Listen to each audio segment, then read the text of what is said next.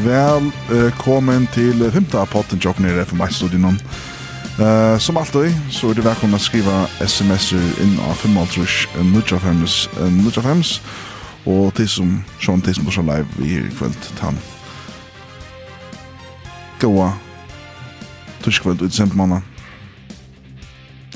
Han kjenner alle sempers Klokkan 20 Vi får rønne så at sær spurningen du kom inn vi så godt som vi kunne Klokkan Uh, som senast, og som alltid, så er jeg kjøtt ombrøring til de som lurer vi er og ikke vet eller hva vi tar oss om. Så får vi ta oss om uh, NFL, som er uh, en øyla større sports i USA.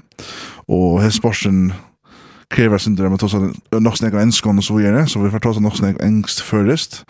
Så jeg blir om ombrøring. Åren. Og det er så best uh, tvær studien nå. Um, uh, Agnar Beste for en leider olje i Norra, Men selv om bare tvær, så kommer vi til eisene tvær gester i det. Og gestene vil så Peter Asbjørn og Peter Frank Holm som tjener den 17. Uh, takk om å fortelle at hun som tar service og gjør det. Hvor Kvidar fylgjer vi i NFL. Uh, vi kommer til oss om hele fem disse der. Vi får begynne vi Cowboys senest noen, og det er nok tog jeg at Peter Asbjørn. Ja. Velkommen inn. Takk fyrir det, og takk fyrir innbjørnsna. Det er øyla forskon, forskånd, det er det, altså. Det må jeg si. Ja, det er vi. Vi er nok best, altså, men uh, jeg også er, altså, det er en grunn til å bli Cowboy Saints. Kanskje at du kan fortelle oss om uh, hver fall tog inn av for NFL, og, og, og hvor helt du vil inn, du helt vi, og så videre. Ja, altså, jeg har ikke snakket li, og jeg hukte jeg etter, ja, jeg var ikke nær å bli av å ta. 6-6 halte jeg, började hitcha efter amerikansk fotboll. Och faktiskt så är det så särskilt så att satt samma att Lorvik hukte, men det kommer så ett fyrtjörd då, det är ju snack out i nu, men det här så ett one-on-one, NFL one-on-one här till Ja, det forklarar alle hva som er jøkken og disk, hva det gong fyrir seg, og du ska spille gong grud på. Jag helt det var veldig spennende. Jeg helt det var veldig till til till til så high intensive game, Alltså du och det händer ja näck och till låten spela gång för sig. Schalt om det inte skorar ska hända och rikva ting som som ger. Jag spelar ju öle avhavers och imorgon till jag vet inte ska säga fotboll. Fotboll är så det ja, det kan det händer näck och ju en och jag en en väldigt ja. Ja, så kom Sean Payton, vinneren. Han kom till Saints och jag var inte glad för så, så fick man en gåan och fatma man fyra matan han spelar fotboll på eller hur han hur skipal sen så hes för någon och ja så han har helt från helt viktigt och så han det tar jag spelar väl på apris Sverige ja faktiskt fra toy och är med vår som en quarterback som är saknar redan i det eh extremt näck to vi ha att vi front någon vid halta av olja ja 8 4 eh ja och så bara generellt haft öliga gott offens. Eh, tar spalt haft öliga kan säga öliga stora stjärnor eh ja faktiskt så jag någon det sån stod ju i allt. Alltså det öliga väl för alltså öliga helt ger att man alltså i mån till är som man helt för jag lägger som är väldigt hårt där nere och och en 3-2 är nästan och så kommer nästan inte upp.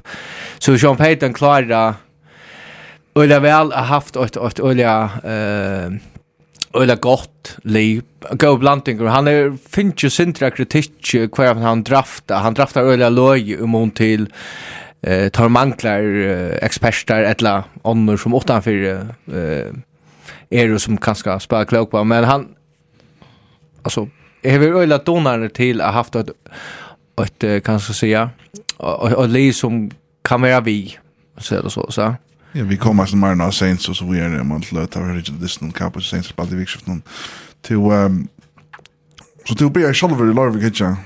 Är tann gruppen blir större nu. Det vill just och skrivas och så vidare. Eh Nej, ikke har inte alltid. Men tar som är yngre än är, några er yngre, nekker av olja, stora av hava, till ångre har enda varit till uh, ja, alltså nu har också lagt affär till London hit efter uh, NFL här i Florida som har varit några ferier efter hon och hukt efter NFL och i London. Annars så är det fotfringar här tar det här också snackar fotfringar som uh, hit efter NFL uh, strantingar och snö. Men så flott jag nior eh och ta ta välja komma kanske oj en en kanske jag brojar fällskap som man alltså man får ut a hitch efter en dyst man och man börjar göra sin brochure Thanksgiving och Super Bowl och ja eh och det det var primärt eh, haunamän eh, som som uh, som hade ända ner av han och och här var han ända så Ja, og så er det flott det till havnar nu og så har vi finns ikke, jeg finns ikke er der, hitcha sa vi men men jo så är högt när vi da var ja, jeg var så vi är og och tänker vi och vi där var superboll er, och till till stortligare alltså att vara samman vid onkel og hitcha etter NFL.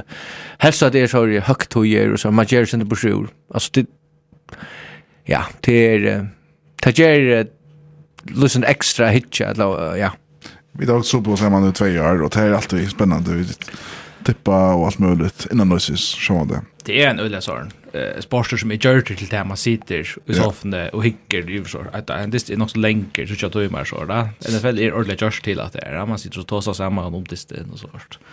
Det är det är perfekt det där. Ja, alltså det fotboll är är syntur Örvesö. Alltså att du sitter hickar, alltså oj, att du sitter hickar det NFL, tar ofta eller är ett hvis jag sitter ensam så kan det gå för ut att att jag vill säga googla men jag googla och kan spela det eller och kan så stick och sånt. Det som är som så välvisning det är att att commercial break chamber så kan skälla så till och du kan ta som play som rent och kan för hänt och så vidare. Här är muntlig fotboll här liksom som här sitter du i skärmen alla första där kan 5 minuter och det ena stod tydligt att oss som typ bara skällt några och så finns också annat vet du. Man fylls bara vid i fotboll det är det hela som är det som play by play ja och typ helt bara så neck mer spännande just Sjalt mig fotbollsvänner i form av en fel. Jag ser men det som fotbollsläsen går men NFL är bara en helt annan som som jag kan annan sportser hever som jag fyllt vi sånt ja. Och så look ja, alltså look alltså vi meshing till det hitcha alltså eh öll eller det er nok kjenner Klaus Elming og til konseptet som han heier, og det er nok for dyrskan på en eller annen måte, og det gjør jeg også kjølt om etterfyrkjent du har suttet at det er nok som han gjør det for øyla, nek tvart, med øyla festlige lortsetter og alt det der. Eh, Men jeg anfalla folk, hvis du bare hittar etter uh, NFL Redson er øyla godt, det er redan ekkur som hittar etter uh, Men jeg hittar kanskje sånn dyste vi, hvis man har Game Pass, uh, hittar sånn dyste vi amerikanskon kommentatoren. Her er jo, jeg tror Brise Birjauer som kommentator, er Tony Romo er, her er redan ekkur som har en fætla stora vitan. Ja. Og, og imot til uh, alt godt om det danske versner, uh, men til det av vers ångte i til Løvenstånd i Rom, Rom og hever, man kan feie ut av Google så vidtjene, men han kallar Arden, uh, og det er stått til det suttjak som han kallar, til ångre av sin kallar som han gjer, är så bara så längt ut ja att att fatta det och så du du han känner spelet och så förklarar han att han har kvoi och running patterns och då och det är så till efter eh vi amerikansk eh kommentatorn. Eh men alltså jag har provat också jag hukt. Eh Det är ju just mer mer bara vi amerikansk kan amerikansk mer mer sånt för jag har sagt att jag nog till så på fjör och jag sagt att jag ifall jag aldrig när hitcha vi danska kommentatorn att så på och bara som helt i över. Men det är säkert fint om man hickar att i början det så smart. Det här är nog mer sån bara basalt nivå men men du du finner ju livestreams här du kan liksom ehm yeah. matcha tojna this någon så gör det. Här det är faktiskt män som tar för dummies alltså NFL för dummies mm. broadcasters så. Här det faktiskt förklarar allt och hur det händer så gör det alltså. Mm. Ordentligt bräcka det ner till någon som allt finns för sporten för så gör. Så det kan ganska vara ett, ett tips till folk som vill köra superfisk för februari. Men ska vi få vi är listan. Det er så Cowboys versus uh, Saints. Saints vidja Cowboys i Dallas og kommer til listen ser under man er. Ta mangla sjåan til Alvin Kamara og tvær tar top defensive tackles. Cowboys mangla i nekker av tar coaches, men like jeg må si, mangler og tar unga top skjøttene. Another interception and this is Watkins to the end zone but a flag is down.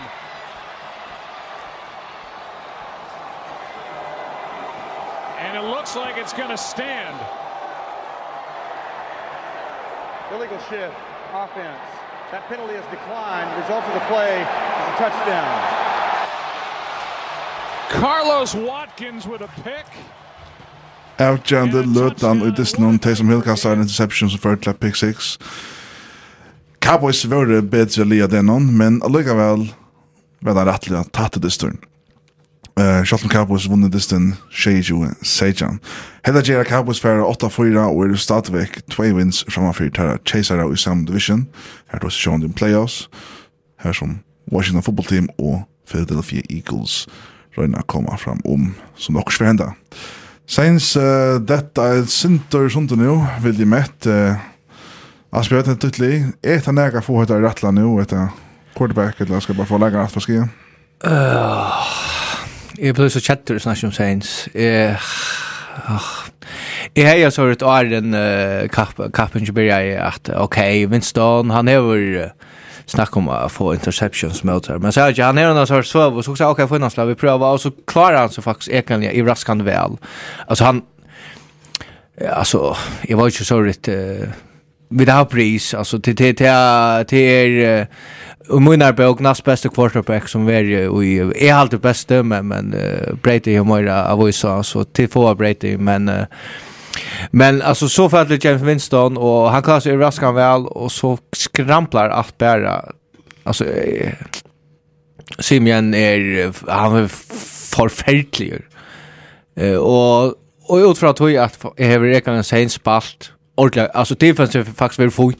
Eh, inte några prankande alltså ordentligt fantastiskt men no gott till att man, man borde vara eh ut för wildcard uh, och nu är vi ett vi vi har vunnit ju fem dyster är först för när Sean Payton har tappat fem dyster i träck. Och det är det av värst för dyster mot Cowboys är att eh eh så så så sticka och vi måste vara hitcha nu. Alltså han som rushar mest eh alltså det var quarterback chock. Ja, det är 101 yard. Ja. Rushing. Och det är uh, men han Kamara var ute ska sägas. Ja, ja, ja, ja, men men, men allika väl och så to säger att det är pick 6 är är är är alltid det här jag kände till att han han blackar och också tog ju det snön Det mission första andra kvarta blackar en interception. Och jag att det alltså en en rutnera och quarterback är största. Alltså han jag vet olja. Ja ja. Eh, det bara stöva vad att han var alltid trist i Ammonia så skulle. Ja ja. Men men alltså Saints tabellen en Disney mot Cowboys och Cowboys är ordentligt det bästa science men alltså Nej, men det var en bättre quarterback och uh, och Tony Pollard ränner alltså come on alltså han Jag vet inte. Det är som helt kastar fyra interceptions, just nu. Ja. Det är Lamar Jackson står i sista vik. Ja, jag tror inte att han är i fjärde quarter. Ja. Ehm, dyster är faktiskt tatt nog så långt jag Ehm, Dak kastar en interception i Jeg det er i fjorda kortet dess nå. Um, her man Manasta, man husker at nå er borte Cowboys nærmest, eller Saints borte vi er inne inn at dess nå, det var ganske hørt utstå å få av denne her beinta, men Där får ju snäcka bort ur det klart släcks att ta av chansen och chanser. Det verkar som att ena som rickar till det som Hill är det. någon till alltså han ränner han öde väl. Det det ska ha som sagt 100 100 yards rushing till till till flott. Men um, att det alltså Sean Payton är en öde god coach och han han han verkligen han älskar Taysom Hill till han knivar om det. Ehm och vid det rätta play design så kan så kan du ju liksom skema men fruar och det smäller på sån stort kost klaras ölla väl men ta en kost som för över 20 yards distan så kastar han tre ut av 14. Han är så ett touchdown där men tre interceptions. Det är helt eländigt. Ja, han alltså tar sig eh eh, alltså Brady till dem som som är till näka som att release time alltså ja yeah. release time cha cha Taysom Hill att lång alltså du du känner att det stort kostnas så ofta renner av slant og så fer bättre. Du kastar han og i øtje og her renner han. Det er ikke nekka som du skalt.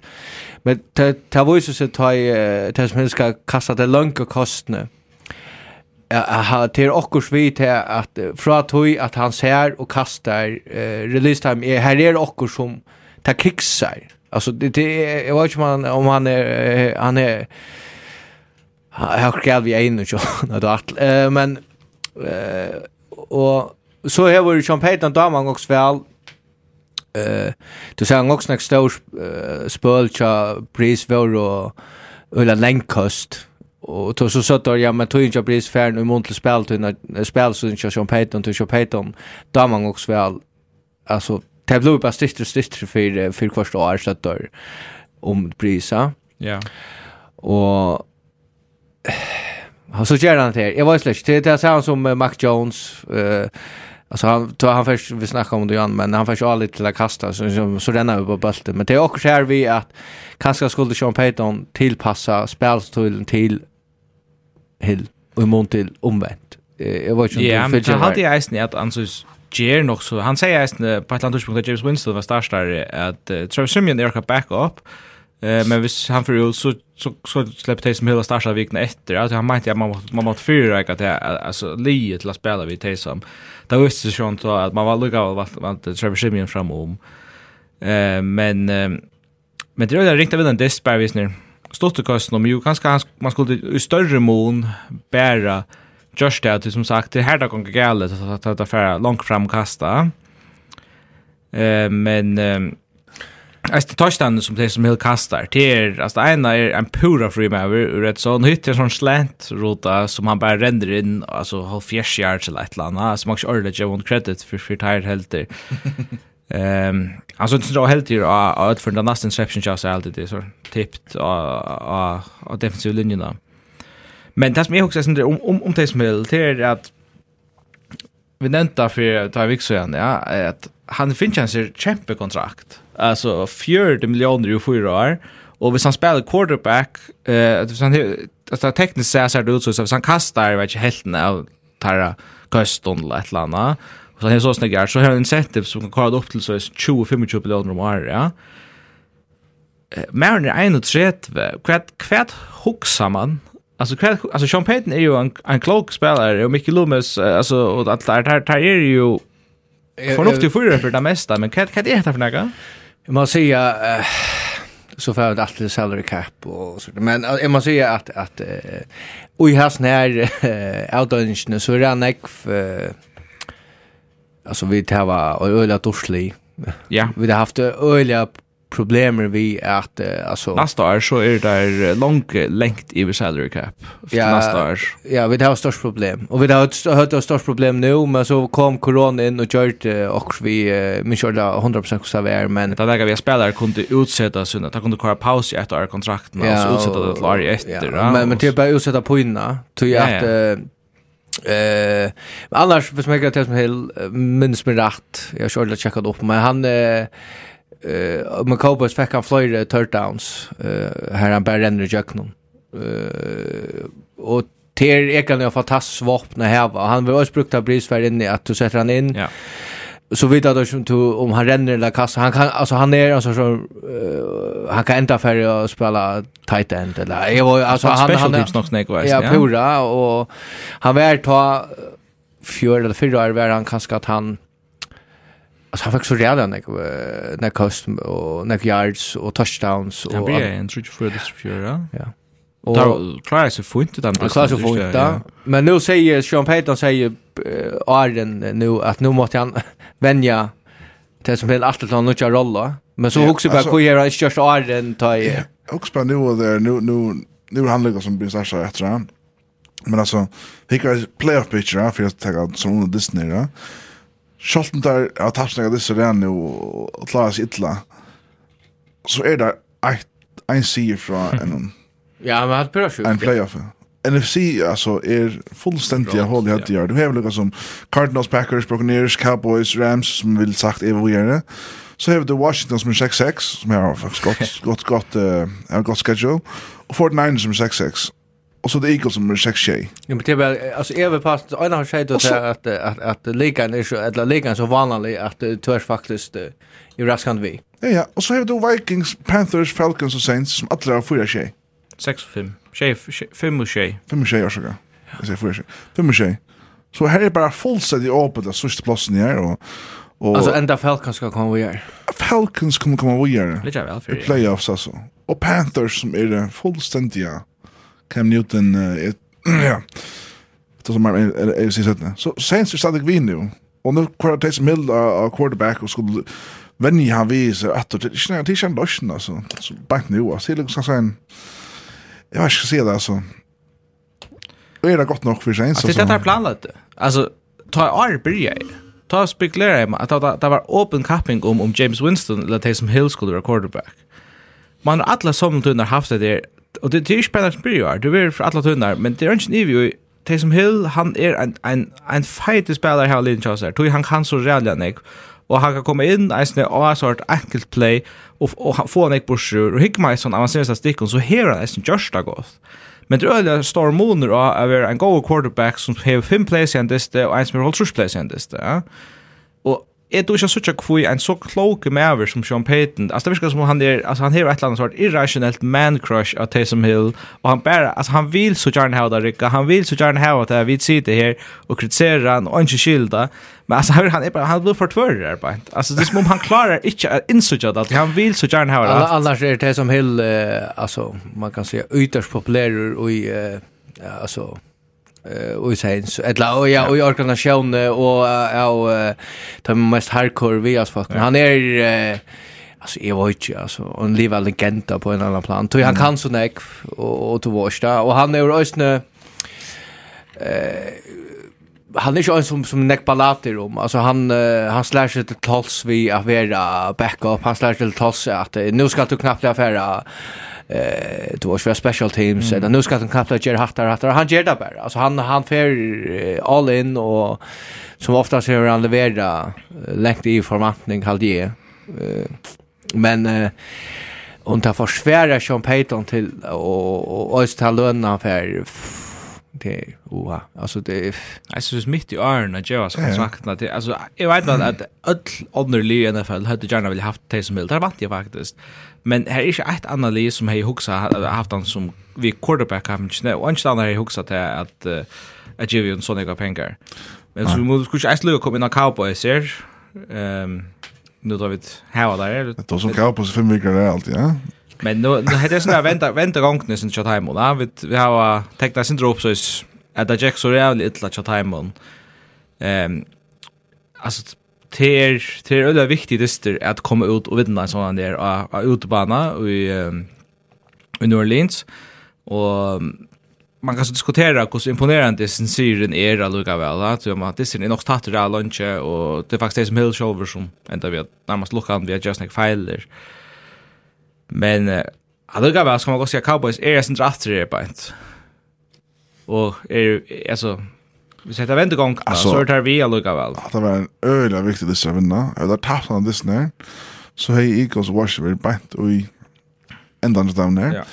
Och och i nok vi tar oss om det sista veckan om kanske att Eagles eller Washington eller jag helt Eagles kunde ända som first seed i alltså division så dem. men. Men i haltet här. Ta präck av häsa för att att han ska äga det här. Men ja, så Dak Prescott visar att att han han, han dog också än och så att man lever några jävla viker så kan han läsna.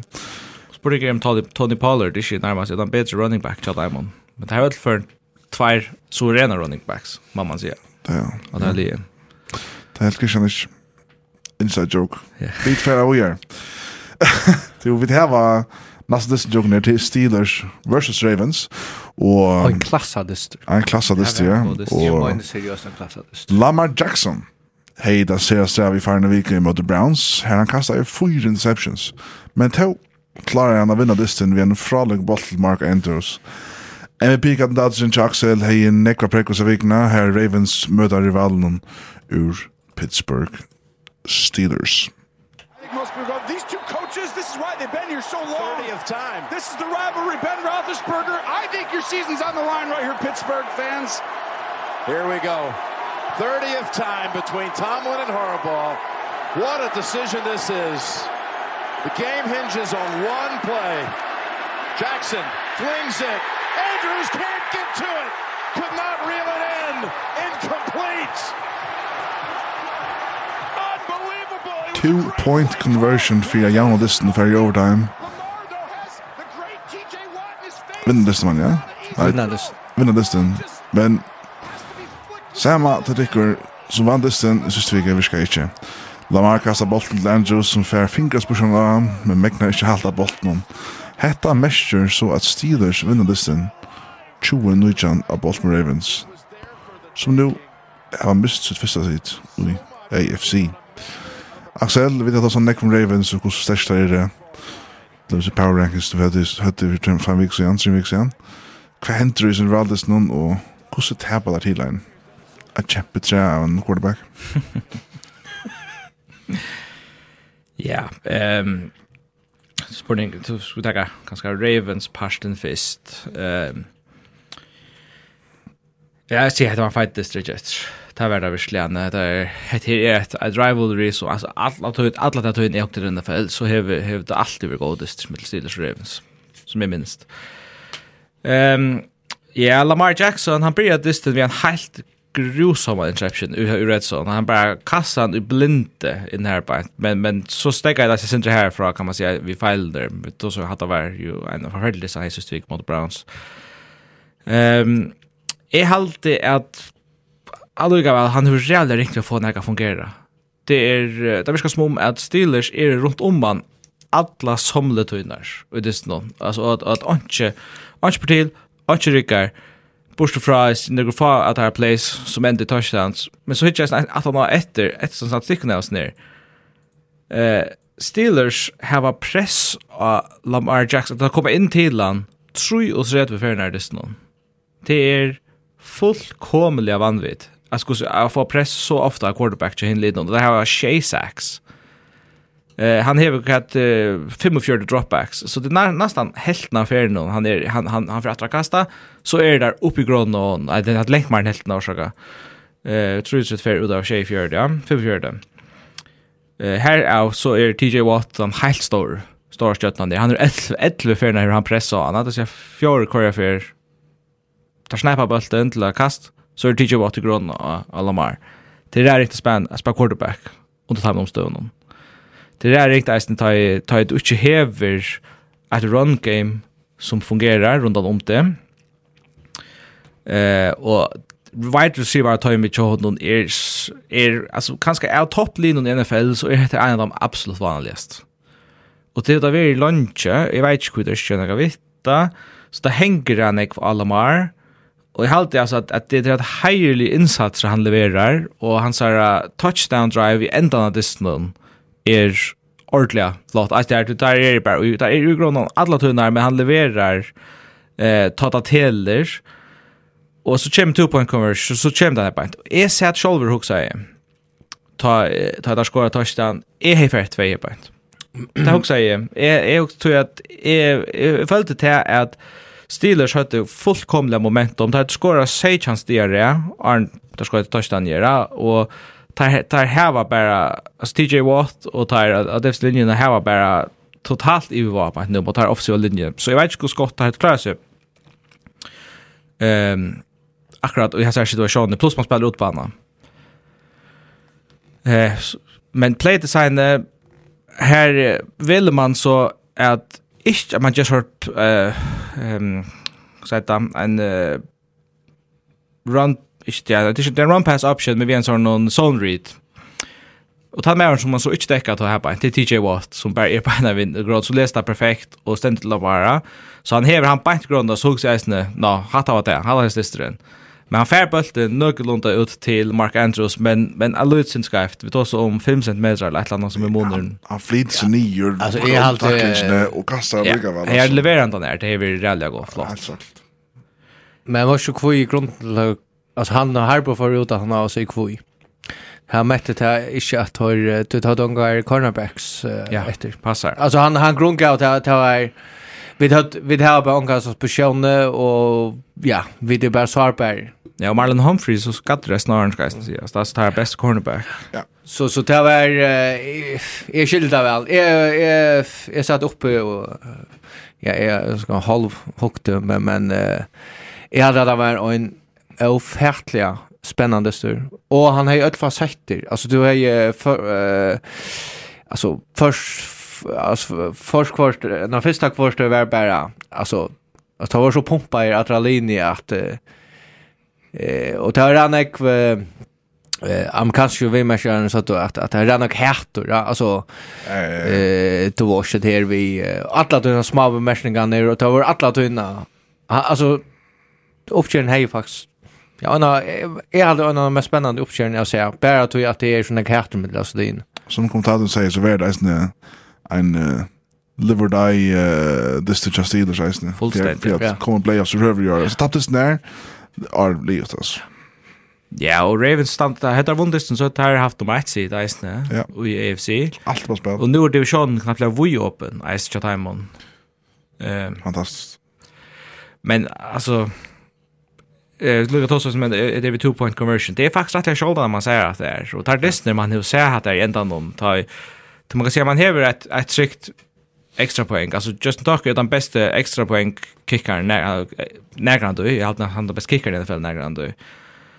Så de flesta linjer hade sparska här på ett. Men alluga väl så, så, så analytiskt är man inte längt väck från helter att, att en two-point conversion är till närmast 50-50. Det är lucent lagre, det är 45 procent eller så. Så så vill jag säga i NFL. Eh, Charlton Ravens har haft öliga goar eh, gav procent under, under Villa Ja, 2%. av det. Ja, till rättliga gott. Så som man ser ta chansen för att vinna det snär. Första overtime så är det alltså utgångspunkten 50-50, men du ska ju kalla den riktiga faktorn in. Nick Scott spelar till Ravens. Mm. Steelers har momentum mot Akarier och tar hemmabana. Och jag måste vinna det. Jag haltar den rätt jag gör en affär efter och eh John Harbaugh har en tendens till alltså han är en rally klok coach. Han är bench för affärer du. Ravens fær ofta ett fourth downs eisne. Der hadde han dist mot Kansas City for fyrir år. Her der lukka og en fourth and one. Altså, når egnar holder jeg på annan noen. Det er jo superaggressivt, men tar tåret det. jeg halte ikke man skal være backlogger och se bare att det kicksar att det være til inte gera. Man må eisne, Det var man jo ikke på förra. Det var man så rock ner oss. Men uh, nu uh, man må eisne si, altså, at uh, Baltimore som tar ju väl Baltimore Ravens har vært munner, så är nok så står så så haft nok størst eia här i förhåll till uh, till Super Bowl eh la Jerome AFC kanskje att og, og Chiefs alltså efter handen så så är det sen så gärna att att här spela såna här ordentliga det här där bara de där Där ska man ofta släppa stäv i sektionen och där är det där längt väck från att det här Charles som är följde att det här kunde vara. Ja. Jag hade bara så Lamar ska spela en James så tar det. Ända klarar sitta. Ja, och han har faktiskt spalt under till sitt sitt alltså MVP nivå har han spalt och jag manar närmast då och ta vet jag han har heaven fancy. Så men nu kommer upp att det är på inte i playoffs. Och jag player front för Ravens. Jag vet inte. Och jag mer. Näst näst näst vecka när vi hunnas slam. Inte inte inte. Ja, men alltså jag jag vet jag vet jag håller med Ravens. Jag har sagt jag är inte jag är inte topp 5 hade Einar som ikke heter topp 5 og ta player jeg så er Ja. kvita kvita. her. Hettuin. Der heva en mann som kører det, og jeg hadde aldri gått nok. Det er det. Skulle være vi lasa det sen, som var så Chargers og Bengals, kjenner jeg ikke sett. Chargers og Bengals. Alle bitja Bengals kom glowheiter in dissen mot Chargers. Ta fink heile 41 siden mot Steelers senest vike, og men her er en grunn til å være en skeptisk grunn der. Tvær offensive linemen blir skatter i vendingen disse vikene, Riley Reef og Trey Hopkins. Og ikke så godt for det her, så var det ikke enden av det her skia problemen.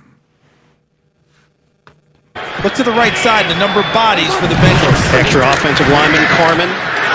Mixon coughs it up, and it's scooped up. Nobody is going to catch him. Tavon Campbell all the way. Touchdown, Chargers. Hetta var så brått det som nok avgjørte distan. Vi det så var snart linje men manglar og Joe Berry tekur onkel sangs a bit sax i byrjan av distan og ta eina verur et fumble som så hardt nu. Ja, det er ikke det. Etta hjelp Chargers for vi kom from 4-0.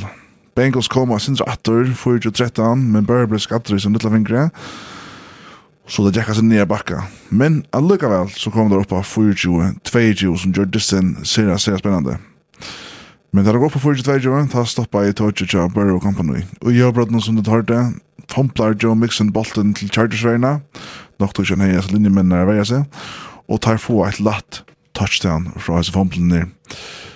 Chargers gjør det samme som Bengals i final vid det. Här skåret her hela 41 och er Bengals best få 22, som så blev enda sevan. Ein for Chargers, 22 Bengals. Spennande, spennande, spennande wildcard-lister. Nekk så Bengals som store playoff-konkurrenter at når det har spalt så vel sansene. Jeg snak selv det sysvik jeg snak. Men hva henter det Bengals? Er det bare Chargers og Session løtene? Um, ja, Bengals kommer jo alt for nere så rannig at han hentet det. Det er så helt sikkert. Uh, Hetta var vi, vi alltså han var ordentligt artist och vi, vi hade ett långt varsla i sista veckan att hetta var en en champion this job av och Bengals hade en sig Myra en en Chargers och hade så vunnit hentan. Så att där var alltså man kan säga tvär det för men egentligen tvär en halvan det hade jag haft tiebreakern mot Chargers och jag hade wildcard race. Eh men uppåt vad är inte att Ravens tappa Det hade det hade faktiskt blivit främst divisionen och hade varit tight jag förstår inte att för Patriots men annars hade vi nummer tight för nummer 2 seed i AFC. Nu lite där nummer 6 system för ja. Så det är synd att hoppen hoppar ner så timon och här nu miss tiebreaker in mot the Chargers och Jauner i record. Eh men um, Ja, yeah, alltså Chargers kommer väl från början i stället Som du säger, att när 4-2-0. Ehm um, jag alltid att uh, att Herbert han spelar en ölegondist. Han har flyer han har trun section yards för och tror touchdowns och en interception. Särskilt har han flyer uh, goal linkers han har fem kast som färre iver så här, här han kastar han långre än 20 yards. with fem completions. Ehm um, färre efter jag fort en goal by now in this non uh, skora och Bengals gör en turnover så här och Arma vet att det först om också att det är en lever. Men Schaltvis ner uh, skatta uh, fingrarna som är färn helt uli som inte är bättre till Joe Burrow. Så kommer där späkliga och späkliga inåt i disten. Um, och här håller faktiskt att, man, att det är öliga imponerande också för Joe Burrow. Joe Burrow spelade, man visste alltså tack att vi har svingat honom helt seriöst. Så så. Så så där kasta, ja. Kvar kasta, tjänar så ordentligt ett andet. Ja.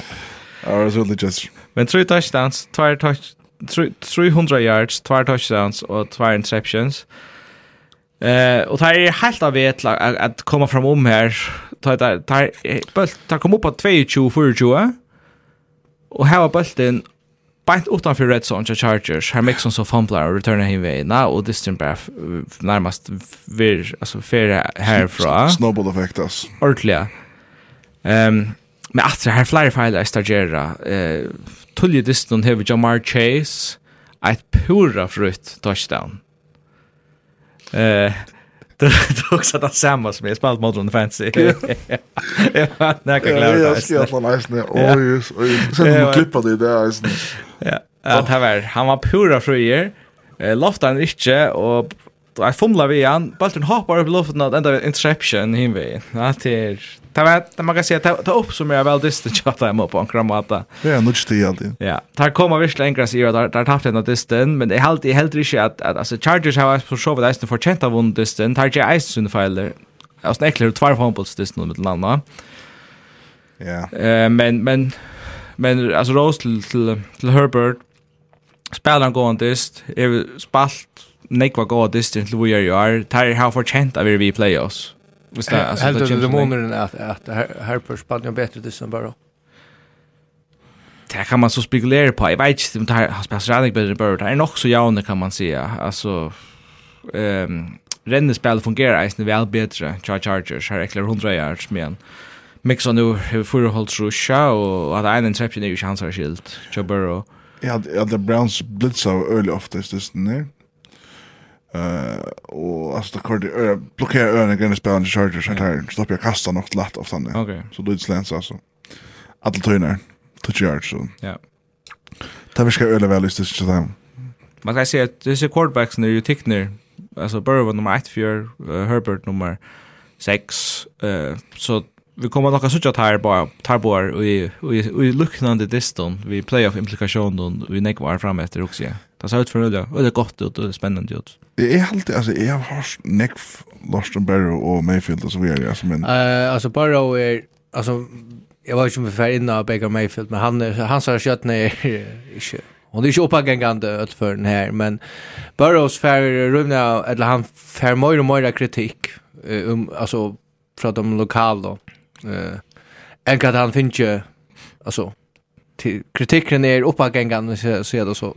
Alltså eh av honom tror att han inte eller till allt att höra att han inte levererar självt om är alltid han faktiskt är så alltså.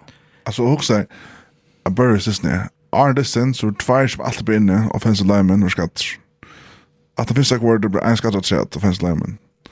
Och tre kvarter är en sätt skatt. Fyra offensive linemen og i tre kvarter, tutsi minutter, tutsi minutter, tre kvarter, er det fyra som vanligvis stannar fram fyra. Joe Burrow, det er bare sentrum som rett. Alle skatter ut av dessen. Så det kan eisen en grunn til at Glennis Mixon vil takla for så løs at han får bolten i stedet for det halvdånden, altså, som er kast til han får fanplayer, altså. Og her eisen er cornerback og Ja, så det blir vi alltid blir 6 tjejspelare ska inte til Bengals i assisten der med Chargers. Mm. Så till eisen er større faktor också. Nu vill ikke tacka för näckningar börjar och så, men jeg har haft männa klara. Så det var helt annan list. og att det spelar skatt. Man patchar sporten sånt, ja. Ja, og Bengals är helt klart liksom hur så för att att vi er særlig god för Nick var så gjerne här på i primetime, Andy Dalton er det. Så att det var det var nog snakk playoff Eh, för den går där kom playoffs men där vunnit ju alltså en playoff this. Då det där inte vunnit näkran playoff till. Nej, där har ju vunnit en playoff this. Ja, han har mer än går nog short. Marvin Lewis vann alltså han var vänjer här en 25 år. Ja, 20 år.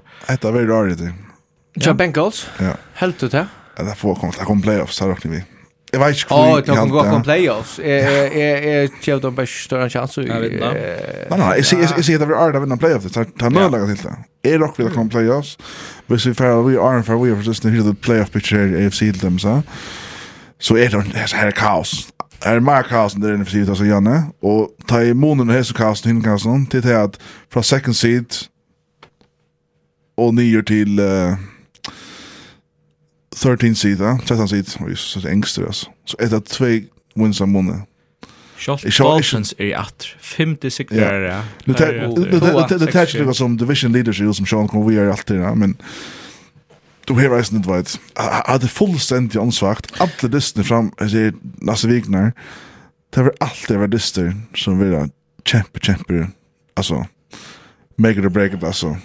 Dyster. Är det där och man ska ordentligt ett Ja, fjör var också fakt. Men hvis vi näka år som man ska ordentliga för att halta spänning i Hasselt så är det faktiskt ju år. Ja. Eh, tror jag att det ska så lite till att det koppar. Det ska ju vara vägen att ha rätta vägen till Nekon Leon. Eh, pura. Vi sa att Systervik är totalt älskar Steelers. Här tar låg, vet inte, tar väl ett eller annat. Nu är det här nummer 8, bänt utanför bänk och bara här bänt. Ass. Jane Lino, no? Upp Chiefs og Broncos eisne, og Berlin og Shea og Fyra, og der er 6 og 5 og sånn. Altså, jeg var så nervøs han dysten, det ristes bare var det var Jeg visste alt kunne hente. Jeg er ikke skila AFC-løtene. Og sier at her Pages er fremst eisen. Og Chargers knappt igjen her eisen, ja. Så nå er det her eintist 18 for Chiefs. Det er vårt eisen, ja. Og det her tiebreakeren til vi er. Det her eintist ett mot Timon. Det her kan gå for en tagga situasjon, da.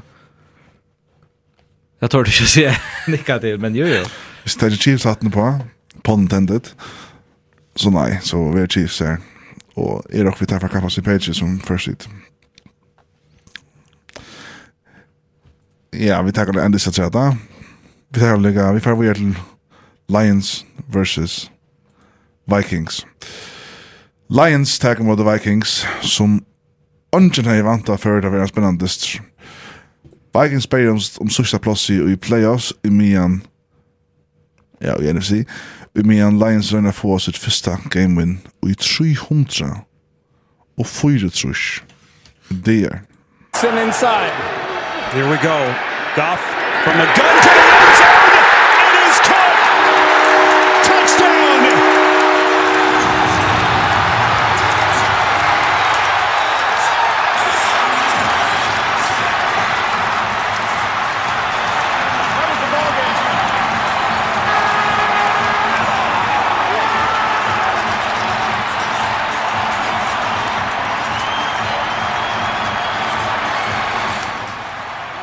Lions førte med i parten av dessen hon, men det følte jeg alltid ordentlig at, at jeg får vinne som finnes av disse år. Det førte 26 år for Disney, men nesten ødel jeg selv visste at Vikings før bare komme, at det er for Disney til, sier selv. Og så han de hentet eisene. Tvær mot etter dessen hon kom Vikings for om 23 og allt all det för att Jared Goff av alla mannen skulle ge ett game winning drive i en minut och allt sekund efter klockan. Och möjligt och möjligt för det också sagt. Men ta bäst fyra sekund var efter hade Lions bollen ta yard linne fourth and two. Så ska play this någon. Goff tar bollen och finner Tava den er fria mann i en sånn. Lions vinner sin første disse 34 stier. Jeg tatt disse nærmest for i hvert år. Og Vikings mennene så som tar seg spøtse. Endelig klarer det det, Axel. Vi tar så sørste like om leien som litt sinter, og så hadde jeg hatt nok sørste for å som der jo er. Men det ble vi ikke så leis. Videobrotten av sosial medier og så videre, så sørst det ut som at Lions har vunnet Super Bowl tar uh, kvar champagne og alt i Jared Goff her, og dansar i kyrkarummen alltså. Det är så viktigt inte att... Är det så, det är så størst at Lions vinner eindist. Det är så jävla stor mån. Det er inte att uh, ända noll. Det är det. Alltså det är det är skam. Det är eh tema vera alltså Lions shirt där shoulder ta i tills nå tjej 8 eller 8 halvt det där. Ta ta tappa där alla 16 distnar. Och Cleveland Browns kört där för några år sedan. Ja, och och det är en till det en slim som jag gör. Något spännande med Cleveland Browns det att du snackar ännu om det. Alltså det det är eh sövan eller till oss ta i alla tar som ikke alle vänner men altså nekver som kom in inn här hevat här mot att det Cleveland Browns är ända och så tar jag haft søvn mot sig. Jeg halde ikke at folk färta hvordan jeg söva hever å sige og jo, og så. Hun er, altså det är bara Men du tog først i søbøkene som hatt liv som aldri vann en dista, men det, du sørst ikke på samme måte å gjøre en amerikansk utsatt grein. Altså, du spiller tvei første distri i NBA, ja, du spiller i 100 distri i, i, hockey og baseball. Så det kommer alltid å vinne distri, her er det ganske mye win percentage, og man kan være sånn så, ja, her høyde det lagsta win percentage, det er ikke ta och ta man kan också ta som det men men i alla fall här kan så reellt så alltså har vi procent på noll att du kan tappa alla distnar där ta ger man inte hinna hin sporten och det är så det sitter verkligen jag vet och det det sitter verkligen vi innan alltså vi vi det franchise närmast och neck herrans var framme va och alltså ja ehm så så ju är skiljer alla väl man drar klara för undan sånt det styrs Så det kan ta sig sin om det Ehm så Bria Vikings vill jag se åtta vid två två fyra goals. Men så kör ran i Lions så har lite run här by då skora 20 styre och för att hålla vis ner 20 till 6. Jag har faktiskt att uh, Jared Goff spelade en en rättliga gåendist. Han häver ett uh, gott touchdown kast till Fitzgerald Hawkinson och så till Brock uh, Wright. Uh, Ehm og og ger at han neck for rat. Jag gott han kritiserar sin fyrir jag drive så fer det han 14-1 og som kicksar och Joe Vikings som stått han bana. Men Vikings utnyttjar det i överhörish. Alltså där här var fem drives eh, nok alltså så i början av this någon eller första hållet av this någon Harry tar få börja av Holven Alliance. Och Busher tog så får att det simpelthen three field goals. Och alltså en turnover and downs. Eh turnover on downs og ein fumble. Nudges det på fem möjligheter innanför halva kinlinjen. Det är det är förvånande. Ehm så säljas när turnover on downs helt var öliga på infotler tar man hever en fort en touch av av 42 yard 42 yard linjen vid 30 sekunder efter och i hålla inte någon och man fer ett då. Det är en för att ponta prova field goal ett landa. Eh ganska mer ponta veckor så står på den kickare man kiksar, som man ju av vissa större sannsynliga vill göra en fort toucha. Och så får Lions en stort bana och färra upp och göra nej alltså field goal drive som är rättligen nämnt till 26 för att hålla i kina. Ehm så det är en rättliga um, vanligt inte att tacka bara bort göra mera. Men helst inte att färra sig panik. Ja, jag vet att han fyra Ja, pura. Alltså Lions, alltså Hej to uh, var en betting man men men hej to bekta at Lions knappt skora i øynene kvart i 20. Nei, det er jeg så ikke. At du varst, i råkket altså domen effekt, så stendt du her, skal kanskje bare få touch yards, og så får vi det field goal for noe slag, så, så er vi lukket som. Jeg vet ikke, det kan være panikk. Jeg har alltid bare er professional. Ja. Jeg gjør det, men... Men, men himmelen, så Vikings, der kommer så atter, og Alltså, Kirk Cousins spelar faktiskt en rättlig kontest. Han har 340 yards, två touchdowns och han har 45% completion percentage. Och tar Adam Thielen skatter mitt i dysten någon. Så han finner det ofta Justin Jefferson. Eh här han har flera att reaktioner. Är rose att men men fancy är bara. Det är så sjukt att ha den. Hej till skatter så du är ute i fancy om jag. Tillägger vi 102 yards och touchdown. Ja, ja, ja. Och då sista var ja. Eh, var helt på ändan det snarna, ta ta ta lite så fram om. Så Vikings man kan säga att Fisher tag out början och att Lions komma fram om, men där kommer efter. Och Kirk Cousins Kjolt, man er inkonsekvent nekva distan her, på så er inkonsekventer, och där kommer fram om, og så knappliane, så stand Lions her beint, og skulle göra ett game-winning drive i Jared Goff. Og det ta ger han bara. Simpelt. alltså spekla om efter han hade snälla jag tog ett han färbulten. Eh och det enda så vi en ett sista play. Och och under timeouts. Ja, under timeouts helt det. Det är jävligt. Men att sista play här. till er till er rävligt hade det valt upp. Alltså jag hade det är ordentligt flowsligt att man alltså professional NFL cornerbacks alltså då det här bulten när kan ta linjen eller lock short. Det är simpel curl ruta här i alltså Amandra St. Brown som är rätt namn annars. Nästa lag fast som Batchen, Equinemius St. Brown. Joe Packers så. Eh han renner han renner bara bänt upp en sån vänster vi och ständer fryr här bänt. Tog jag tar cornerback. Lukar som backar av allt för nekv och let mannen för bant sig till er ja men han löser fotbollen där. Ja men det firman nu alltså. Bant att jag kastar. Tony St. Brown kan säga han stender inn i ensam, en yard in i ensam. Amon Ra. Amon Ra. Og Vikings, liksom, som uh, safety eller cornerback, sier dem, standa liksom 30 meter vekk fra mannen. Og her er tveir som heva han. Tveir menn, og ja. bare standa løya langt vekk fra han. Han stender bare pura sjådver, og lofta bolten, akkurat som, vi onkar det. Men unge med sånt. Etter, etter øde løy. Ja. ja. Så, jeg vet ikke hva det gjør da. Uh, så det gjør større feil arbeid. Men Lions lov Eisen Vikings innan att det som lukar tendent i faktisk läsje. Eh vi får mot det dess någon så här att här bulten av Fortin One och sina äkta 8 linjer där välja du vi en kastespel som som kicksar fullständigt vi har fumble på jerk off och så där. Alltså en rätt till en butt outjer för att jag bara inte droppat butt här för att jag kastespel till att procenten här är nekva för en lagre än det är för några andra. Så tar tar sig är svile Lions så så ständ man sin drugs här. Nu skiljer man väl kvitt har tappat alla distnar i år utan en jävla. Lions är flyer för vem the winning position. Här procenten har väl liksom en fjärs försprung att imon. Eller alltså fjärde för i år att det har försprung chans. Ja. Och det finns för att vinna. Men är det ju raskt att ta vinna? Det är det fullkomligt. Är det så så raskat så?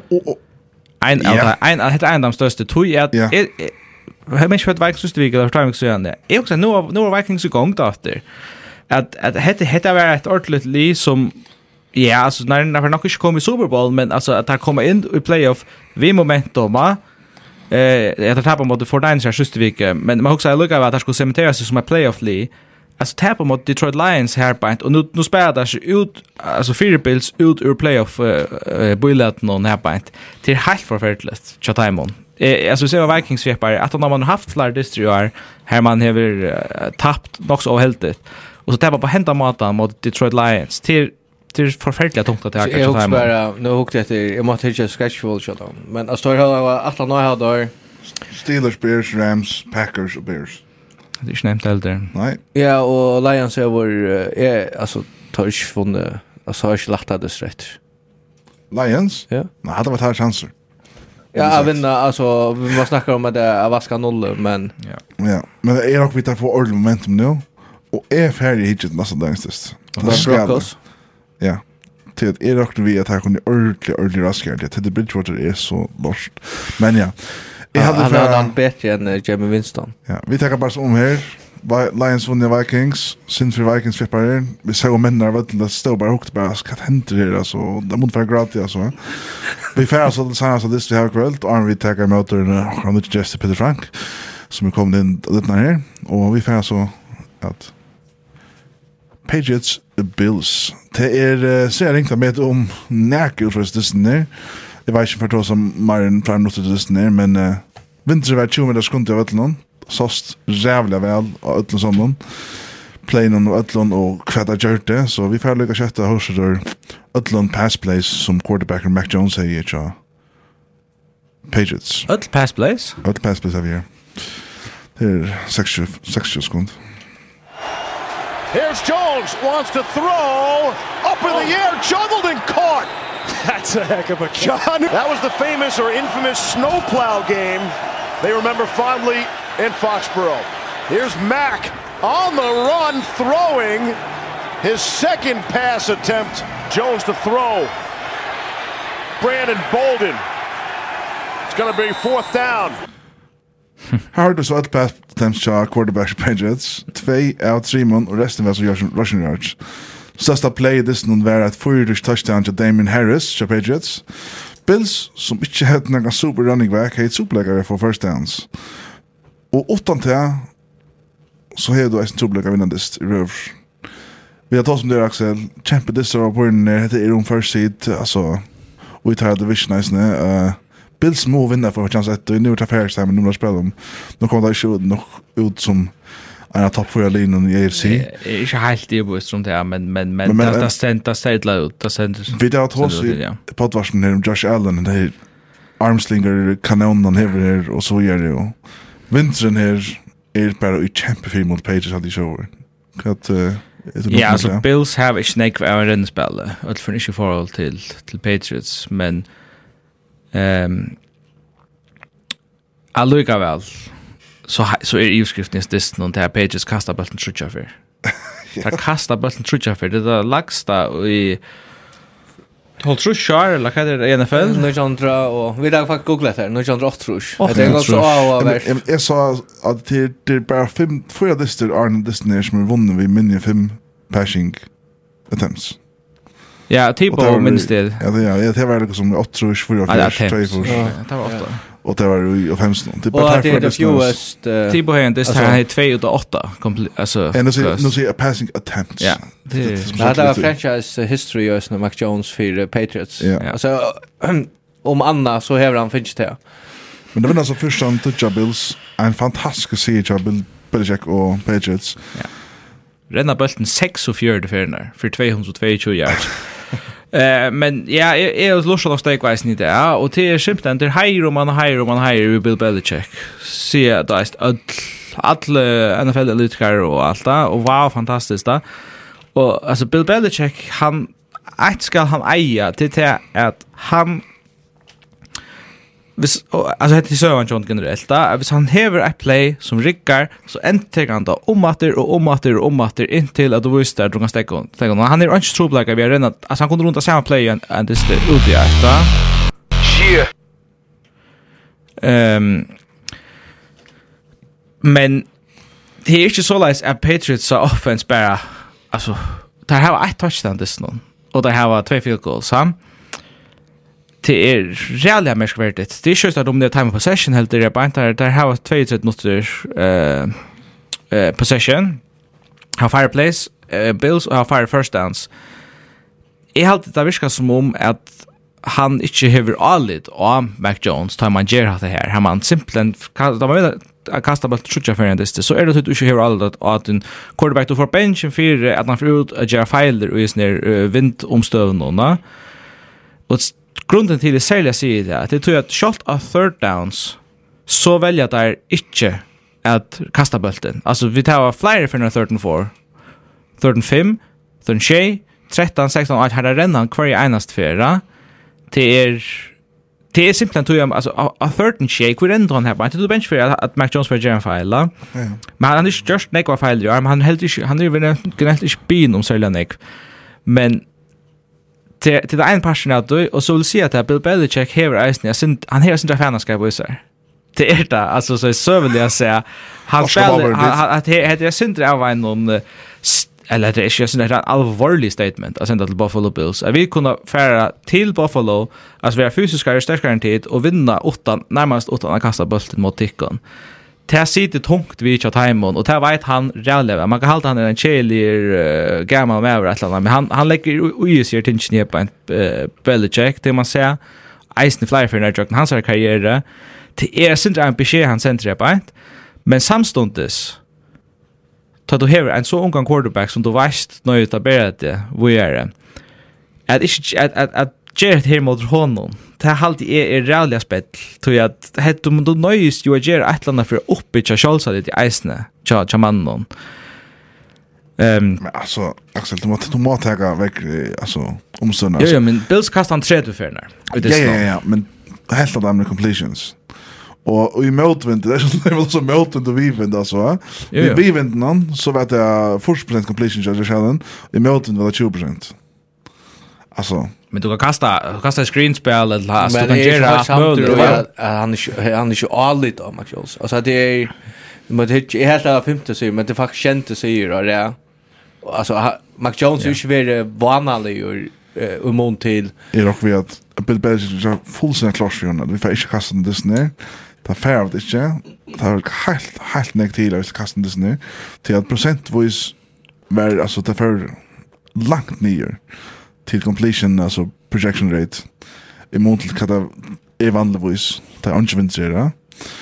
Vinter spalt i alt negen, det så er mer overstå av min her og kastet bolten beint på luftene. Mm. Altså skjer linne. Bolten lente jo av, skjer tredje for sekset linne. Han kastet ikke langt opp. Det er ekstrem vinter. Jo, jo, men du veist, ah, som sier, third and fame, third and shay, altså, du veist, det er, det er eist du er bench fyrir at et eller annet gong gale til at forstått kastar det er det ju bara. Alltså, Josh Allen har helt råkat interception dist nu. Alltså, selv om han har en tendens till det. Så han sin fast i till en parstre av det. til det at han inte hever. Att han bench för att till feiler i nå någon är kritisk och til det han vil omgänga. Men till eisen bare, alltså eisen er sinter för att sende en båskap, Man vill gjerne.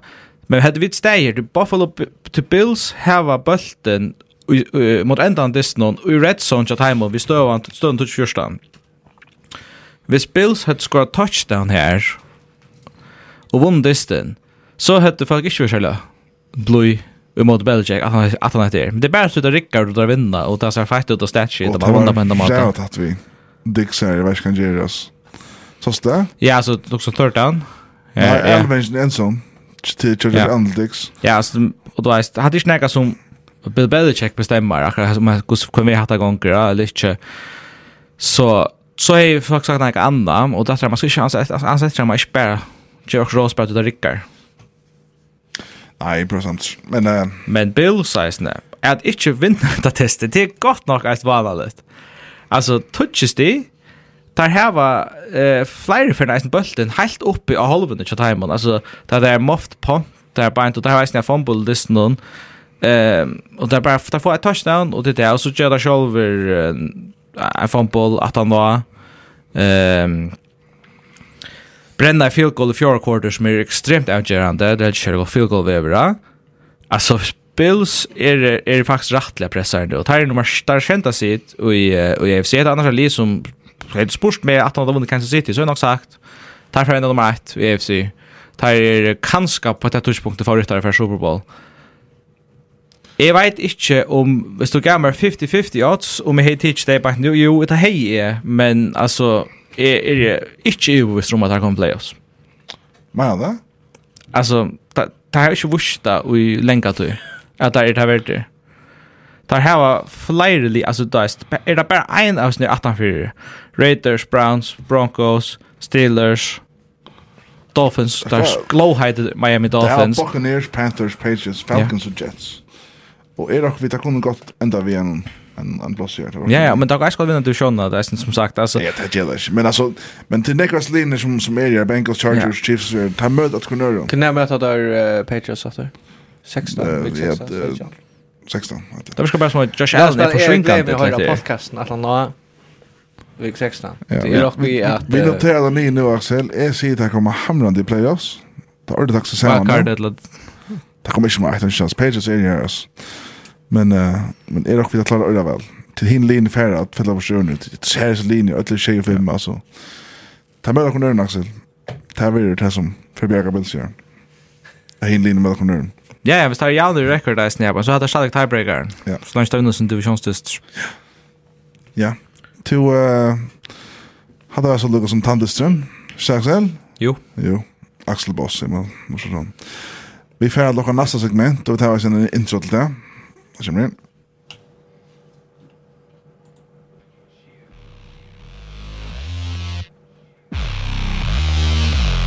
Seattle stand out. Cameras flash, bright lights, championship inside. We rise in moments we fight. Let us all unite. We're the ones they can't hold. Beast mode, come against the self-hold. Beast Mode. Här som såg jag ner. Men uh, vi i studion skulle lägga har välkommen till uh, Peter uh, Frank Jakobsson Holm. God kväll. till uh, en så annan person som är en välstudio till sin största fjockon. Men uh, till uh, välkommen till. uh, Det är inte lagast akkorna till er en större NFL-fjäppar. Hvordan blir jeg til en av for NFL, og, og hvor ligger det to soldier Det börjar faktiskt vi att uh, Peyton Manning checka åtta till Indianapolis Colts. Det är samma som till där, ne? Ja, i raska version nu. Ja. Och det samma gång likt. Jag har alltid det hemligt, men Nej, det var faktiskt det Irish fall mot Saints här att tappa Super Bowl. Woo!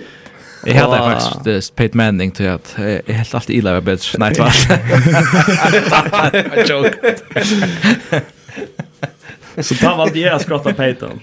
Det han tappade, nej tvärtom. Men, men så fick jag lyckas som en jag synder upp för uh, Seattle Seahawks och The Legion of Boom. Jag var rättligt, rättligt imponerad över det. Av Timon, alltså Cam Chancellor, uh, Earl Thomas och och vad var det annat? Eh, Richard Sherman. Ja. Ehm och så var det lika som att uh, så var det uh, Wilson draft över i när han draftade 13 12 12 12 Og, og The Legion of Boom, her leggs til, KJ Wright og forskjellige ergomen kom eisen til, uh, Bobby Wagner.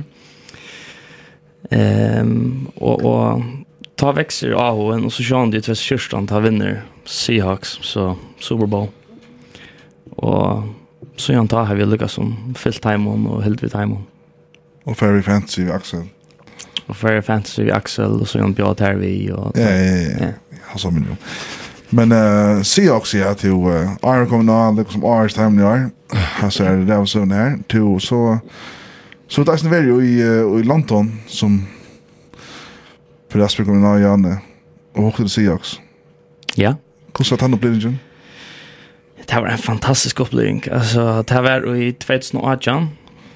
Eh, det blev kunngjørst att uh, Seahawks kom till London och spille mot uh, Oakland Raiders. Ta ytter Oakland. Og Oakland Raiders skulle de ha heimabana. Men uh, vi valgte så for å stelle lukka va.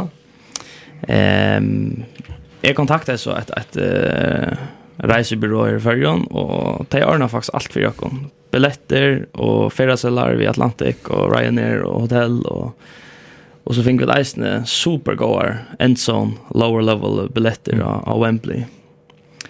Og jeg halde alltid det, det kostar ikke mer enn en, en shades kroner for et, et lengt vikskift. Shades kroner for alt det her? Ja. Yeah.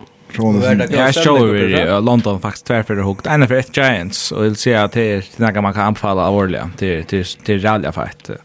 Man skulle säga just det här som fotbollsfärger har va? Det ska packa för till nästa distance är i London nästa år. Men är det god stämning går i mån till till vi där vi ska ska? Det som är så fight vi att Asna färra till en NFL-dist i London till det är att man fär ordentligt där ner amerikanska stämningen. Jag tror att det är inte bara själva distren, men det är inte det som är det tailgate. Ja. Eh, Aren. Här som du kan släppa kasta en bult, du kan söka Lombardi staple och du kan köpa amerikanska mat och alltså då är det blir helt tulla det någon och så är det bara inte lina för att distren för gångt och, och det som är så skräckvis ner det är att Raiders hade ju hemmabana men eh, ut av hem 5000 Oscars så var så halt jag nästan att 50000 var Seahawks fans och så var det en uh, 30000 som var jag syns bara hit hittat NFL så 20000 Raiders fans. Så ja. större mun av fanbasen nice near oss. Ja. Men uh, helt ärligt är har vi extremt kan nog fan alltså till det och vi om det fina kan man nummer. Där kan vi malast absolut 100%. Ja. Yeah. Vi tar bara samma nästa. Tjänar så packa för så får jag blättra ut bus. Så förska Förska tur, va? Ja. Jag hade att Det är jag fotbollsfär han skipar S för NFL dest. Jag känner väl det på så där. Kom nu.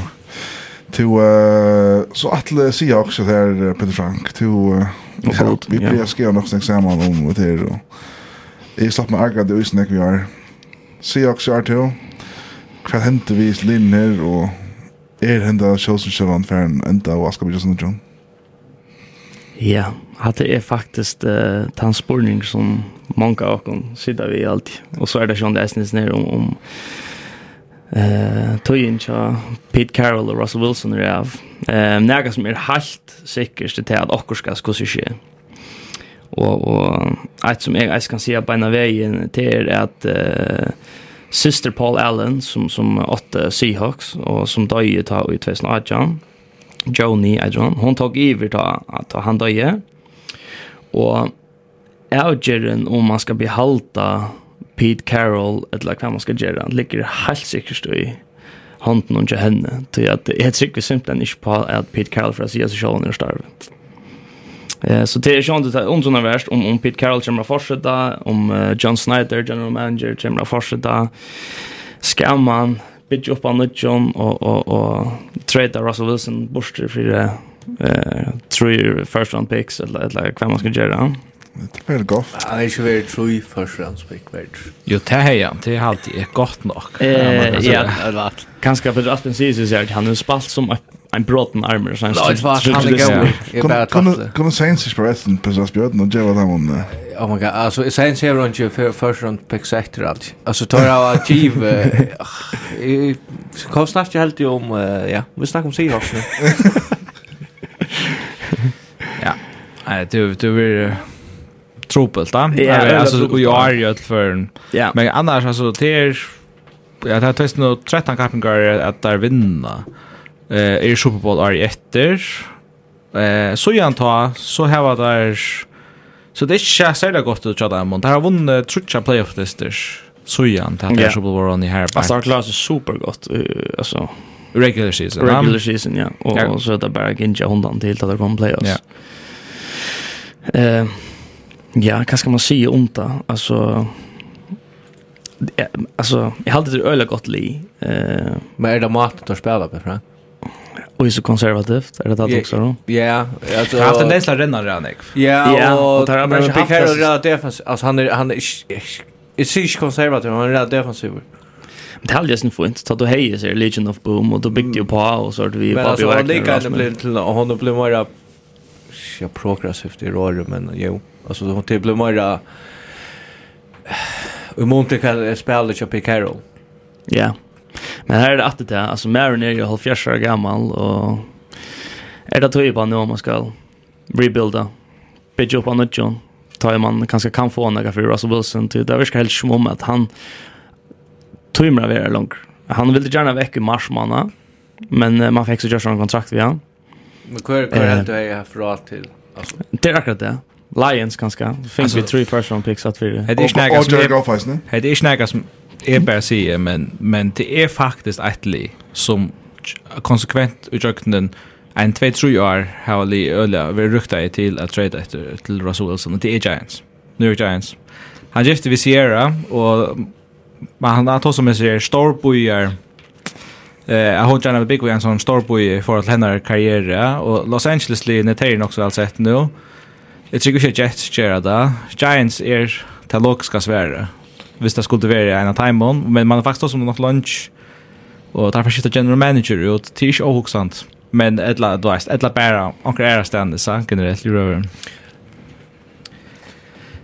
Men jeg vant til at, altså, altså Russell Wilson er ikke den baden som, som gjerne vil vi gjør, halte jeg. Altså, jeg er helt ikke han særlig glad for at han har vunnet en disney mot 49ers, uh, at det er han han han han gjør en sånn lista i off-season, altså, här i Leon han gärna vill det blå trade över till så så visst han blir trade jag säger jag trade alltså sen som man så är att det är färre kunder men vissa färre så är fyra när on är kan ta det på inte alltså ser det bara så långt ut så där synter ja ja men alltså det är alltså alltså det som man ens kan se att det är att eh kanske så nu sälja till senast i åren att att han att Paul Allen dog och systern tog över tar det lukka som bara bliven en sån. Alltså tar det alla oknen blev för dvojar till henne.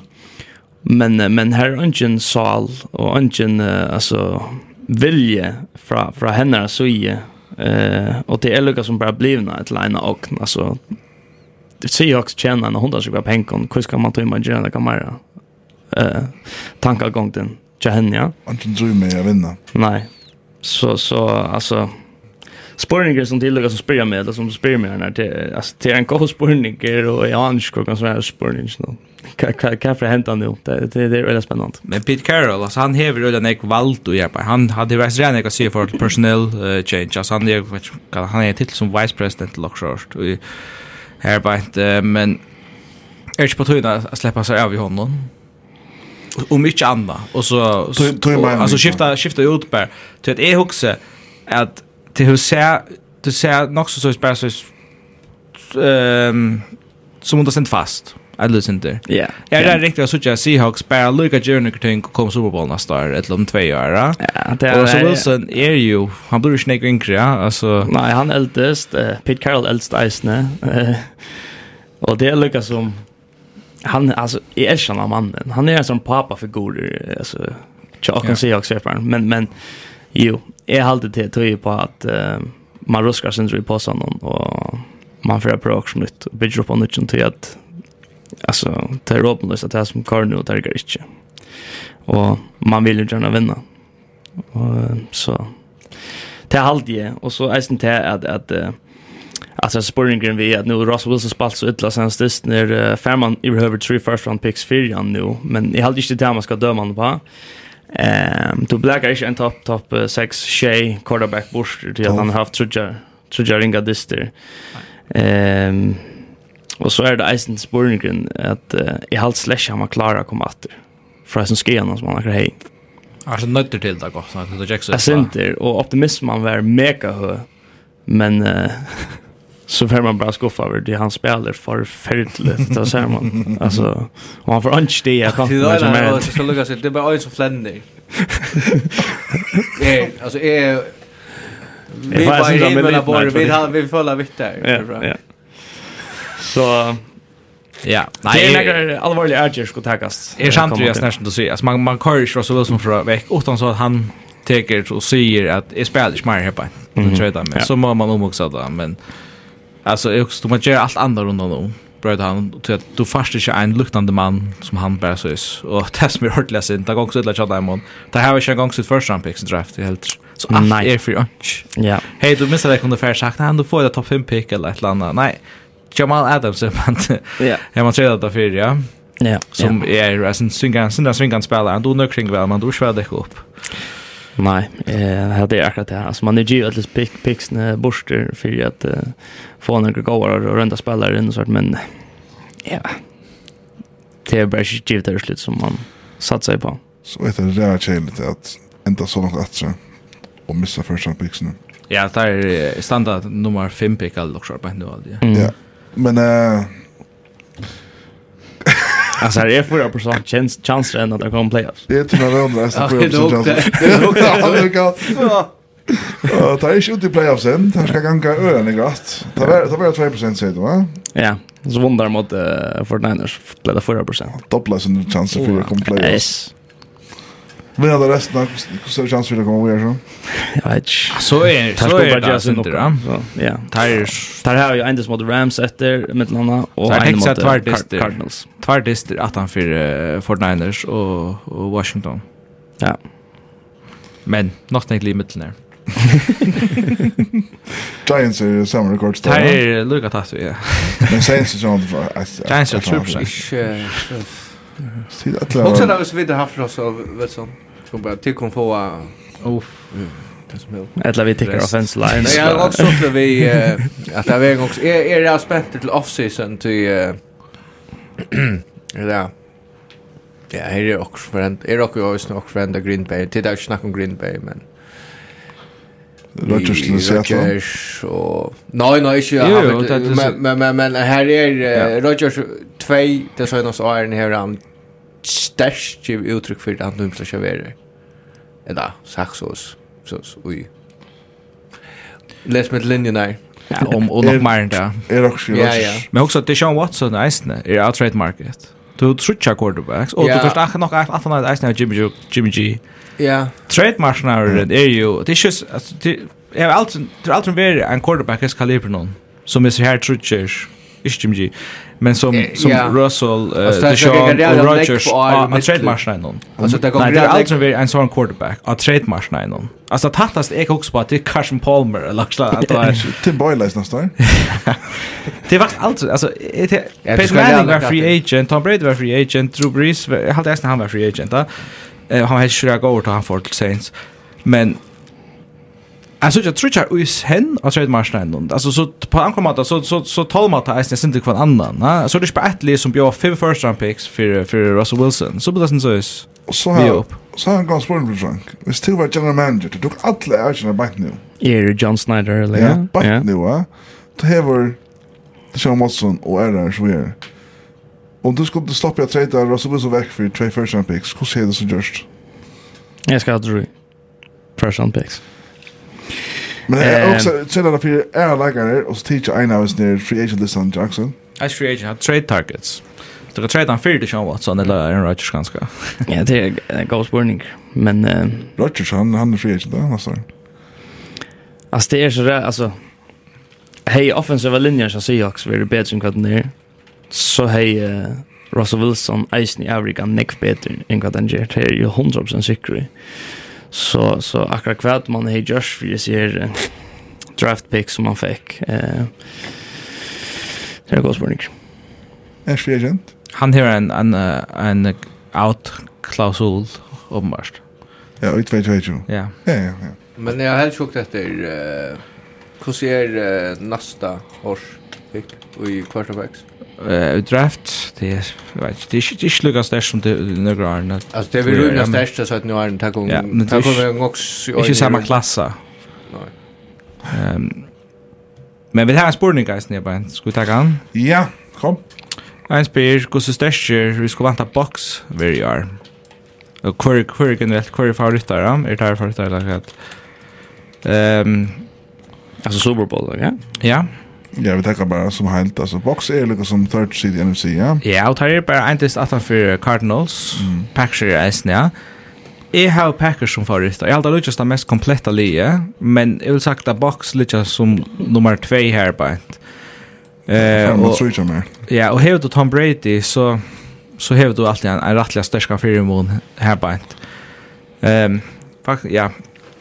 Men jeg, att här kommer i Super Bowl kan det vara så jag för mig. Absolut. Så ger det sig en 3-0 chans till lock short. Eh men ja. Jag har i utav fem timmar har vi Cardinals, Packers, Buccaneers, Pages, Chiefs. Inte det här så rätt för ni rör, men det säger bara att här fem utav fem alltså är det också vi att att finalen i Arvero Buccaneers mot Chiefs. Förstår där bakom ner mot Patriots eller gal i Super Bowl. Jag vet det väl, jag vet det väl. Men är det Nej, jag säger säger just för några veckor sedan då säger jag att det kunde vara en bakom ner mot Chiefs. Eh men jag ser NFC halt är bara att är som sagt stod inte nog på Cardinals. Eh till att se att att att att det ska vanta att här blir bättre än Packers och, och Box men hvis det ha hemmabanan och lägga på sin bye week så ju sort av väl möjligt. Hvor helt du enda nummer 1 i NFC? I AFC, altså i seeding, først og fremst. Chiefs vinner rest. Chiefs vinner rest. Han er vondt nok snakket til Rand nå, va? Ja, vinner rest. Det er ikke sikkert. Det er det reelle, klart. Ja, jeg har faktisk det beste av året. Det er 3-4, om 5 år. Ja. Hva sier dit? Jeg skal ikke ha varnere her. Jeg vet ikke. Jeg er bare, jeg er anti-Chiefs-fan, det har funnet på en annen måte. Jeg vet ikke.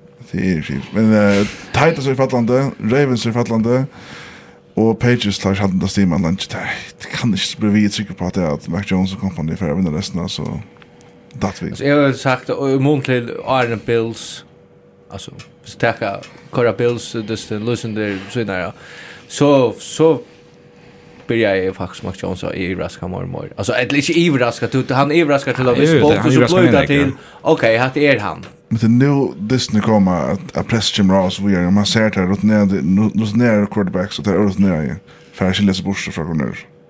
Det är Disney när kommer allt inte på spel så vi är. Och tar rocken inte vi Martins förklarar hade så stöj. Nei, det tycker vi är urhörs på. Um, Andy Reid har faktiskt eisne haft några nog skoa distir mot Patriots, så är eller mot Bill Belichick, så är ja som coach. Ehm så jag skickar på helt att att att Belichick bara så heavy coaching advantage men Lee Chiefs är är så rädnig bättre. Jag väljer nu hon är topp 3 varje bara nu. Ja, så så ja, alltså det hade en server ringan starst. Ja, och det var det bästa så gärna. on om tre bästa. Det är negativt negativt det onkel spalt. Eh, vi tar points per game. Så ja, week 6 så det right men ja. Men men helt svagligt att det stannar väl nu att man bye week. Det är ju där att att att Chiefs har eh så tar över alla linjerna. Alltså Voiglökar och Stitcher så är Chiefs så hade det starka sali. Ja, Men obviously vi ska köra nu. Men Luka vinner det just i på vägarna. Så just som det är kanoner för gång att se det Chiefs och Patrick Gomes som att för oss ner. Ting tinstans an an an plats vi så vi är. Så då vi att att det är fullständigt för unstoppable mode. Ja, men jeg held, jeg held jeg som skulle valgt et liv ut til nesten er vintersuperball, så ville jeg som sagt, sagt Kansas City. Um, men Chargers att han för hade gäst faktiskt nog spännande. Det är väl att man sätter mot kunna i playoffs så jag tycker det var fightest där de mötas att det regular season där spelar egentligen om division. Bant här då. Ehm inte jag skrev det väl. Ravens helt där. Men box er absolutt vi. Om det er favoritter, for jeg svære på at det alltid er ikke at det er det. Jeg har Green Bay Packers som favoritter. Erna sier jo, det er der.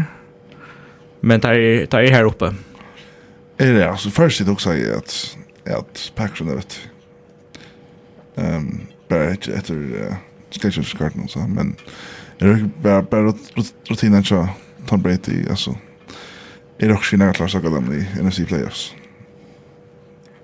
Jag visste för jag inte brukar hemmabanan helt. Ta bredd för att jag klarar det. Kanske se att lite var... Ja, kanske. Nästa år. Ikke at det er nummer 2 sider, kan jeg være nok så viktig. Du måtte også nekke om at Arizona om tar nummer 1 eller ikke. Men nok så viktig er det tant nummer 2 sider, hvis, hvis Packers og Bucks møtes i runde 2, så er det jo om heimabanen her, bare. Så det er faktisk Viktigst. rettelig stort utning av sånt. Men det her var, vi, vi ser vi som, Man har ju en topplig som vinna Super Bowl, men vi har åtta lig som touchlig lig som vinner Super Bowl där. Som kunde faktiskt komma i en momentum stima som faktiskt kunde vinna. Och det är som är spännande alltid show. Jag vill snacka om det här. Att det är ett av de spännande och spännande kappingon som har varit långt tid. Ja. Det är alltid här är så rätt packade. Så Cowboys tycker som att som kan vinna Super Bowl. Och tar Jeg mener seriøst, altså, hvis, hvis, jeg, hvis jeg får det, Dak Prescott og Carter og Sig som etter og spiller vel vi er av skilt, og hør som jeg Mark Cooper som etter, og så hvor det, vet, altså. Det blir alltid. Det blir alt blir til just linje, altså. altså. Så jeg kjølt Ravens kunne vinne Superbowl, ja. Ja, det er veldig tatt med linjer til samt. Her har det et uh, Superbowl prediction, et som det er i vei, som må lykke. Veldig at veldig, ja. Ja, absolutt, ja, jeg passer, ja.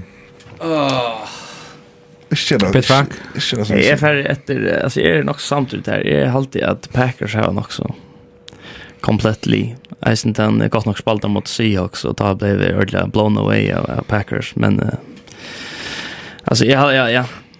Jag hade att här komma och i kurser och i Super Bowl. Och så måste han nog vara. Jag tror. Chiefs. ja. Jag jag kan bara se och spela för jag ser också. Ja, kom. Jag ser Titans. Oha, ja. Ha? Du har onka nämnt Cardinals, men Cardinals är fullständiga... Det är inte också Det är inte också Alltså, och, Nej, det är så mycket som kan hända än, alltså. Hopkins har vi attreisning. Mm. Och så tar jag också Patriots. Oj. Cardinals og Patriots? Ja. Jag bara pura vilt för hoften, alltså. Jag hoppas du får se Cardinals Titans. Nej, det var allt. det Derrick Henry har gått, som sagt. Ja, Kjem han att det är Kjem att reform. King Henry så er Titans helt ikke bare så. I'm walkover helt. Nei. Men uh, nå no, at oss playoffs. Fantastisk. Tusen takk for at du ville komme her, uh, Peter Rank og Brasbjørn. Selv takk. Aksel, det var så akkurat sender kjens av her, og vi vil reise til høyre av Spotify og Apple Podcast og så videre, så videre, S-feed og så videre. Og vi er eisen en sender her med kveldland land første dagen klokken 8 om morgenen og leier dagen klokken 12 om dagen.